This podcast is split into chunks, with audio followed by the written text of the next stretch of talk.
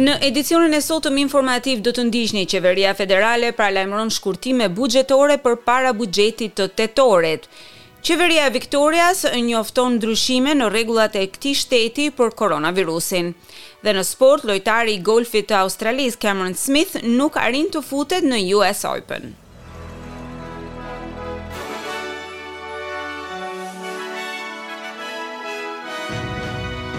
Fillojmë gjerësisht me lajmet. Qeveria federale thotë se mund të detyrohet të bëjë shkurtime më të mëdha buxhetore nga sa ishte parashikuar, në momentin që do të japë buxhetin e saj qeveritar në muajin tetor. Shefi i thesarit, Jim Chalmers, i tha AFR Weekend se nuk ka rrugë tjetër, por duhet të bëjë më shumë shkurtime, të cilat natyrisht do të sjellin edhe shkurtimin e shpenzimeve të kota të ndërmarra nga qeveria e mëparshme. Duke folur për Nine's Weekend Today Show, ministri i Arsimit, Jason Clare, tha se kolegët e tij në qeveri do të respektojnë të gjitha premtimet zgjedhore që kanë dhënë, por duhet të jenë të pamëshirshëm në të njëjtën kohë.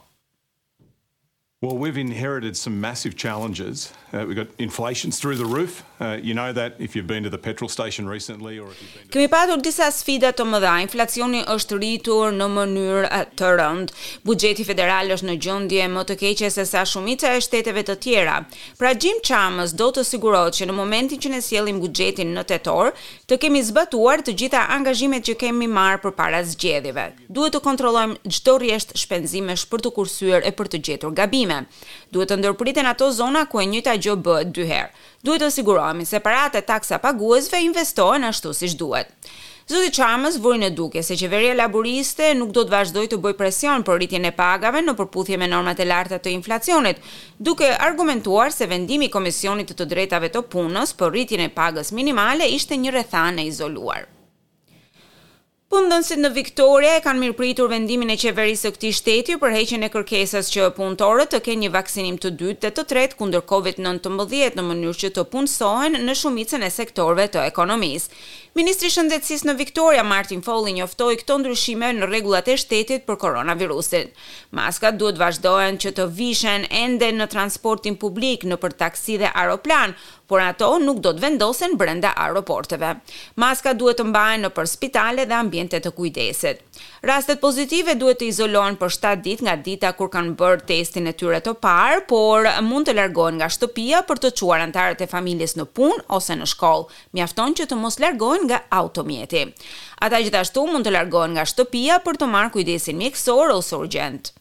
Punëtorët që ndërveprojnë me komunitetet e cënueshme do të kërkojnë të marrin të treja dozat e Covid nëntëmbëdhjetë në mënyrë që të jenë në gjendje të punojnë. Këto ndryshime hyjnë në fuqi nga ora njëzet e tre e pesëdhjetë e nëntë e të premtes në datën njëzet e katër qershor. Qeveria e New South Wales ka bërë disa njoftime të mëtejshme në lidhje me buxhetin e këtij shteti. Femrat do të jenë në epiqendrën e të gjitha ndryshimeve, do të transformohen hapësirat publike që konsiderohen të pasigurta gjatë natës si pjesë e një pakete masash të fokusuara tek gratë. Ministrja e Shtetit për Sigurinë e Grave, Parandalimin e Dhunës në Familje dhe Asaj Seksuale, Natalie Ward, thotë se njëqind milionë dollarë do të shpenzohen për përmirësimin e sigurisë së grave. Nisma e qyteteve të sigurta përfshin tridhjetë milionë dollarë gjatë njëzet viteve të ardhshme për të përditësuar infrastrukturën në zonat e jashtme, duke përfshirë këtu regjistrimin me kamera, ndriçimin në parqet publike e të tjerë. Zonja Ward njoftoi gjithashtu dhe krijimin një task force të quajtur Respect at Work. providing in parks like this CCTV and lighting to provide safer pathways so we can travel here as we see a beautiful Siguria në parqe si ky, do të shohim një park të bukur, të mbuluar gjatë natës me sigurinë e nevojshme. Gratë që udhëtojnë në errësirë e dinë se sa e rrezikshme është jetesa në këto parqe. Ato duhet të marrin masa paraprake, si për shembull marrjen në telefon të një miku, ndërkohë që ne tani jemi në gjendje të marrim disa hapa për të garantuar sigurinë e tyre. Jam e kënaqur që tridhjetë milionë dollarë po shkojnë drejt projekteve pilot në Rocks, Parramatta Park dhe tetë vende të tjera. Ndërkohë, gjashtëdhjetë e nëntë milionë dollarë do të shpenzohen në krijimin e trotuareve dhe në uljen e nivelit të dhunës në familje. Ekipi ligjor për Julian Assange ka lëvizur me shpejtësi për të apeluar vendimin e Sekretares së Brendshme britanike Priti Patel, e cila ka miratuar ekstradimin e themeluesit të WikiLeaks në Shtetet e Bashkuara. Këshilltari ligjor në fushatën australiane Assange Greg Barnes thotë se vendimi i zonjës Patel nuk do të thotë se ka ardhur fundi i betejës ligjore të Assange, e cila tashmë ka vazhduar për më shumë se një dekadë. This is an Australian citizen who faces over 170 years in jail for revealing war crimes. Ky është një shtetas australian që përballet me njëqind e shtatëdhjetë vite burg për zbulimin e krimeve të luftës. Një numër australianësh mendojnë se kjo nuk duhet të ndodhë, duke përfshirë këtu gazetarë të shquar të vendit tonë. Qeveria australiane duhet t'i thotë aleatëve të saj në Londër dhe Washington se dëshiron t'i japë fund këtij rasti, i cili ka vazhduar për një kohë shumë të gjatë. Qeveria federale ndërkohë thotë se do të vazhdojë të ofrojë ndihmë konsullore për zotin Assange. Dhjetëra organizata të të drejtave të njeriut e kanë dënuar vendimin e Patel. Shtetet e Bashkuara kanë ngritur tetëmbëdhjetë akuza penale kundër Assange, përfshi këtu spiunazh, hakerim lidhur me publikimin e dokumenteve ushtarake amerikane të vitit dy mijë e dhjetë në lidhje me konfliktin në Afganistan. Komisioni Europian ka rekomanduar dhënien e statusit të vendit kandidat për Ukrainën, bëri të ditur presidentja e këtij institucioni, Ursula von der Leyen. Edhe pse vetëm nga fillimi një procesi i cili mund të zgjasë shumë vite, ai e vendos Ukrainën në rrugën e realizimit të një aspirate, e cila do të kishte qenë përtej arritjes së saj disa muaj më parë.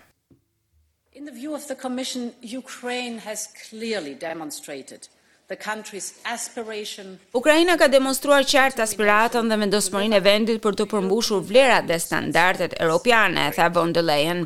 Ndërkohë Zelensky u shpreh se tani vendi ishte një hap larg integrimit të plotë në Bashkimin Europian. Ne kemi patur një vlerësim pozitiv nga Komisioni Europian, e cila është një ngjarje historike për të gjithë ata që punojnë për vendin tonë, tha Zelensky.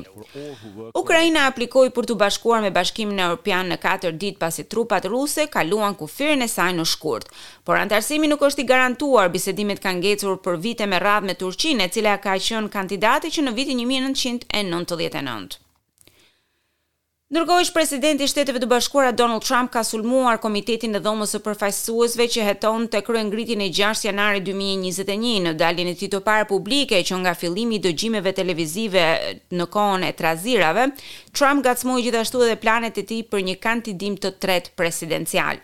Duke folur me konservatorët fetarë në Nashville në konferencën Rruga drejt shumicës së koalicionit dhe besimit të lirisë, Trump kritikoi përpjekjet e komitetit për të këmbëngulur se ai nuk kishte bërë asgjë të keqe. Kryeministri Anthony Albanese ka theksuar edhe një herë ambiciet e klimës së Australisë në një forum të liderëve botërorë. Ai tha se zgjidhja e ndryshimeve klimatike është një investim në të ardhmen e Australisë për të prodhuar më shumë energji të rinovueshme në këtë mënyrë, duke ulur për të gjithë vendin çmimet e energjisë elektrike. Presidenti i Shteteve të Bashkuara, Joe Biden priti mbledhjen e tretë virtuale të Forumit të Ekonomive të Mëdha, Zoti Biden i bëri thirrje ekonomive të mëdha të angazhohen për objektiva më të forta klimatike dhe energjetike, si dhe dënoi sulmin e Rusisë ndaj Ukrainës, duke thënë se po nxit një krizë globale energjetike, e cila ka rritur inflacionin dhe kërcënon vendet e cënueshme. Ai thotë se siguria klimatike dhe siguria e energjisë shkojnë njëra me tjetrën.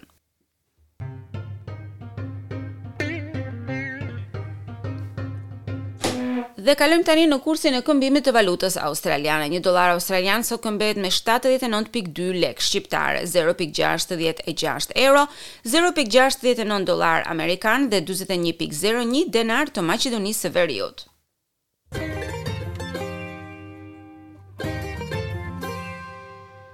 Kalojmë në sport, lojtari i golfit australian Cameron Smith ka humbur mundësinë për të marrë pjesë në US Open pasi Adam Scott luftoi dhe e mundi atë në Massachusetts.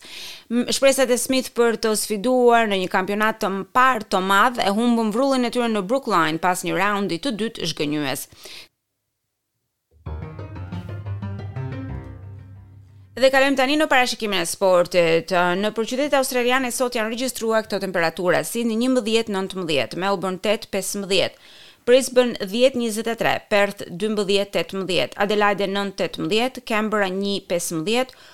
Hobart shtatë, trembëdhjetë, Darwin njëzet e një, tridhjetë e tre, gradë Celsius.